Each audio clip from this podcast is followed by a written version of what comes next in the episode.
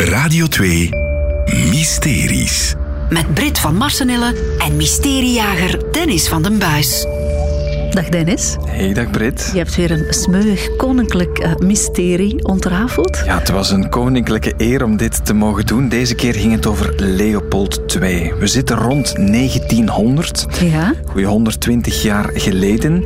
Want het gerucht doet de ronde in de wijk Zurenborg, die je wel kent misschien hier in de stad Antwerpen. Prachtige Ja. wijk met Belle Époque gebouwen. Magnifiek. Magnifiek, ook rond die periode opgetrokken. En in die wijk vertellen ze aan elkaar al generaties lang dat er ergens in der tijd een privéperron moet geweest zijn.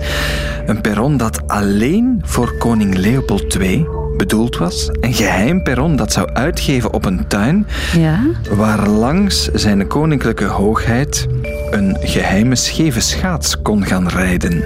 Bij een minares die ergens in een van die prachtige woningen in Zurenborg zou gezeten hebben. Maar wacht Dennis, je spreekt over een perron als in een, een, van een trein. Een, De koninklijke trein die toen bestond van Leopold II zou dan zijn gebold tot in Antwerpen, maar niet naar het station van Antwerpen Centraal, dat toen ook nog in opbouw was.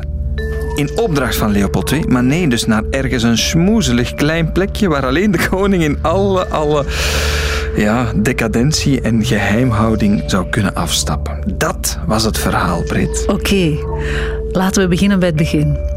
Wat heb jij ontrafeld? Wel, er zijn een aantal elementen. Hè. Een van de meest interessante dingen om te ontrafelen is natuurlijk, ja, koning Leopold II. Had hij wel minaressen? Wat denk jij, Brit? Goh, heel moeilijke vraag. Ik Ja. denk wel meer dan eentje. Ja, ik heb het voorgelegd aan Jan van den Bergen, royalty-kenner, die zei, dat is niet te tellen hoeveel minaressen er zijn. Te meer, omdat dat ook naar boven werd gebracht, heel vaak ten tijde van de Congo-schandalen die naar buiten kwamen over Leopold II. Congo's een privébezit, afgehaakte handen, verrijking, rubber, geld. En dat geld zou alleen naar die minaressen gegaan zijn. Dus dat hielp ook een handje om daarover te schrijven in de toenmalige pers over die minaressen Ja. om Leopold II een slechte naam te geven. Bijvoorbeeld, er is het verhaal van La Belle Otero. Dan zitten we in Parijs. Dat is een Spaanse danseres die er praat op gaat dat zij koning Leopold II, toen hij al wel getrouwd was, dat zij hem volledig seksueel heeft voorgelicht en van, wat La Belle Otero zegt, een koorknaap tot een seksbeest heeft Oeh, oké, gemaakt. kijk Ja. eens aan. Die eerste nacht zou ook eh, per opbod verkocht zijn in een café in Parijs. Dus La Belle Otero, een courtisanne die er een sport van had gemaakt om dus eh, de beau monde te plezieren. Die zei 10.000 francs voor een nacht met mij. Waarop er plots van in de achterkamers van de gelachzaal met een heel dun stemmetje, want dat had Leopold II, iemand riep, voor mij 20.000 francs. Waarop La Belle Otero zei, dan is het ontbijt ook nog inbegrepen. Want dat is dus één van die vele minaressen. Je hebt ook nog de baroness de Vaughan, Ja. een dame die 17 jaar oud was toen Leopold, die 65 was, haar leerde kennen. En voor die barones de Vaughan, die hij ook twee keer bezwangerd had, had hij in het zuiden van Frankrijk een privé-spoor en een privé-perron laten aanleggen, beste Brit. zodat zij met haar zwangere buik, zo ongeschonden mogelijk, want de wegen toen en de karren en de auto's, dat was met schokken tot en met, maar de trein, dat was pure luxe. Ja. En kon zij met haar zwangere buik zo veilig mogelijk tot daar geraken. En daarvoor is dus effectief een privé-spoorlijn aangelegd. In het zuiden van Frankrijk. In het zuiden van Frankrijk. Ik ben naar Zurenborg getrokken. Ja. Want daar gaat het mysterie in Antwerpen over. En ja, de trein loopt daar natuurlijk. Je hebt daar Ja, ja. prachtige huizen. En ik kreeg een berichtje van Rita. Rita is stadsgids in Antwerpen. Ja. En woonde jarenlang in een van de huizen in de Transvaalstraat. Want dat is een woord en een straat die heel vaak, vaak terugkwam. De Transvaalstraat, daar moest ik zijn. Daar staat zo'n neo-Grieks complex. Als je daarvoor staat, lijkt het alsof je voor een Griekse tempel staat. Ja. Maar eigenlijk zijn dat zeven huizen die gebouwd zijn rond 1904. Dus we zitten in die periode. En die, die tuinen, die grenzen aan, jawel, een, iets wat als je op Google Maps gaat kijken, ergens aan de spoorlijn waar er een vreemde bocht, inham, verbreding is. En dan kregen we nog een bericht van Bie, Bie een luisteraar, die zei... Ja, maar ik, ik weet dat. Mijn moeder is daar opgegroeid in de Zurenborg. Ja. Want mijn bomma, Die had daar een enveloppenfabriek in de Transvaalstraat. En altijd als wij daar doorreden, vertelde mijn moeder zaliger mij... Hierachter ligt ergens een perron waar alleen de koning mocht afstappen. Dus vandaar kreeg ik signaal. Rita had daar dus gewoond, in die Griekse tempel, zeg maar. Ja. Stadsgids. Maar zij zag een probleem. Ze zegt, ja, ik heb daar jarenlang gewoond. Ik heb daar nooit een perron gevonden. Oké. En ook, zegt ze, je weet het of je weet het niet, maar de spoorweg in Antwerpen die naar het Centraal Station leidt, die ligt veel hoger. Ja. Je hebt daar die, zeg maar, die bogen, die arcades, de centers van Antwerpen. Als je tussen Antwerpen-Berchem en Antwerpen Centraal spoort, rij je een beetje hoger. Ja, en de tuinen zijn een pak lager. Ze zijn een pak lager, inderdaad. En ze zegt ook, ja, dat klopt niet helemaal, want die centers zijn gebouwd, trouwens met zand, dat is aangevoerd vanuit de Kalmthoutse heide. Ah, ja, oké. is dat vooral, is gebouwd vanaf 1895 en die huizen hier, die dateren maar van 1904. Daarvoor was dat hier een grote open vlakte. Dus die, die timing, dat klopt dan ook al niet helemaal. Dus ja, ik terug bij af.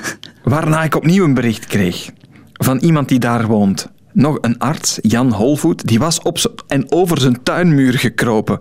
Want wat zag hij daar ter hoogte van de tuinmuur van zijn buren? Daarachter lag toch wel iets heel vreemds, zeker? Wat was dat dan? Dat was, ik ben daarvoor ook in de Transvaalstraat in dat Neo-Grieks complex binnengetreden bij Inge, ook een buurtbewoonster. Die heeft mij helemaal met een ladder meegenomen naar het einde van die tuin. Ja, ja, er zaten ook heel veel muggen.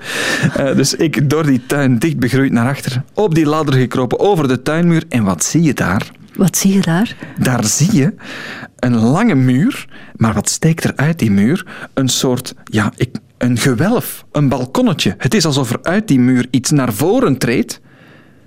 En wat ligt er dan daarboven op spoorniveau, is de vraag. Hè? Ja. Dus we zien een muur en we zien iets wat uitwijst. Daar moet hierboven iets zijn waar ze op kunnen staan. Dus ooit is daar iets geweest. Ooit is daar iets geweest. Maar wat? Maar wat? Ik dus met de mensen van Infrabel, de spoorwegbeheerder, naar die vreemde inham van die luchtfoto, naar wat ik kan zien vanuit de tuinen in de Transvaalstraat, wat wijst op een constructie, een gewelf. Die mensen van Infrabel, ik moest daar een fluo-hesje voor aandoen, want Ja, wij hebben veiligheid. Ja, we hebben daar op de sporen gelopen, wat ten strengste verboden is. Ja. Maar wij hadden twee schildwachten bij, zo heet dat. Dat zijn mannen met oranje fluo-hesjes die in de gaten houden hoe het zit met het spoorwegverkeer. Ja. En die hebben een tablet van het real-time verkeer, zeg maar een radar van de sporen. Ik ben overgestoken met Thomas Baken, de woordvoerder van Infrabel. Met iemand die alles weet van het patrimonium van de NMBS en van Infrabel. En met iemand die daar alles wat met de spoorwegen te maken heeft, op Zurenborg te maken heeft, naar die plek. Een van die mannen zei, maar ik ben hier nog nooit geweest. We kwamen daaraan. Dat, dan bevind je je tussen twee geluidsschermen. Er staan twee rijen geluidsschermen, wat ook al vrij vreemd is. Het is overwoekend, met bramen, met wilde struiken. Van die vlinderstruiken stonden daar bijvoorbeeld. En dan kijk je verder en dan zie je dat helt hier een beetje af. Hier moet ooit een trap of, of een pad gelegen hebben. Dus ik, ja, mijn, de spanning was te snijden. Wat heb ik dan helaas moeten vaststellen met die mensen van Infrabel? Dat daar nooit een perron geweest is. Dat moet wel een dienstweg of een toegangsweg geweest zijn vanuit die Transvaalstraat om ooit naar boven te gaan, want ook daar beneden moet alles op, het, ja, op de begane grond ooit gelopen hebben. Daar moeten dienstwegen ge- geweest zijn, Maar geen perron. maar geen perron. Toch niet op die plek, Brit. Waar komt dan dat verhaal vandaan? Dat is de vraag natuurlijk. hè. Je hebt Leopold II, je hebt al die maîtresses, je hebt die huizen die tot de verbeelding doen spreken. Want Inge zegt ook dat Neo-Grieks complex, bij wie ik in de tuin dus geweest ben, Ja. ja, dat was zo'n bijzonder huis, dat lijkt een tempel. Ja, mensen zijn daarover gaan fantaseren. Hè, van, daar moeten toch bijzondere mensen gewoond hebben. Had dan een middelste huis en dan die symmetrie. Dat, waren dan dat was de maîtresse en zeven dochters van die maîtresse van de koningen. Dat is altijd blijven verteld worden. En geef toe, Leopold II die de reputatie had zelf op de renbaan van Oostende met een verrekijker in het publiek te speuren naar mollige edeldames, waar hij dan nadien een lakij naartoe stuurde die hij in zijn bed wilde krijgen. Ja, dat is dan wel de figuur die dan nog dat centraal station om de hoek daar heeft laten aanleggen, Ja. die een zwak had voor treinen. En Britt, het is natuurlijk ook niet omdat op die ene plek waar ik geweest ben, dat daar geen overblijfselen van een perron meer te vinden zijn. Na al die treinvernieuwingen, na al die spoorwegverbredingen, na alle, al die verhogingen en la, dat wil niet zeggen dat Leopold II daar nooit met een of andere scheve schaats terecht is gekomen, natuurlijk. Dat kan ik niet ontkrachten, dat dat niet gebeurd is. Geen perron, maar wel heel veel maîtresses. En misschien tjoeke maar, niet, maar niet op die plek. Dankjewel, Dennis. Meer mysteries? Volg alles in de Radio 2-app.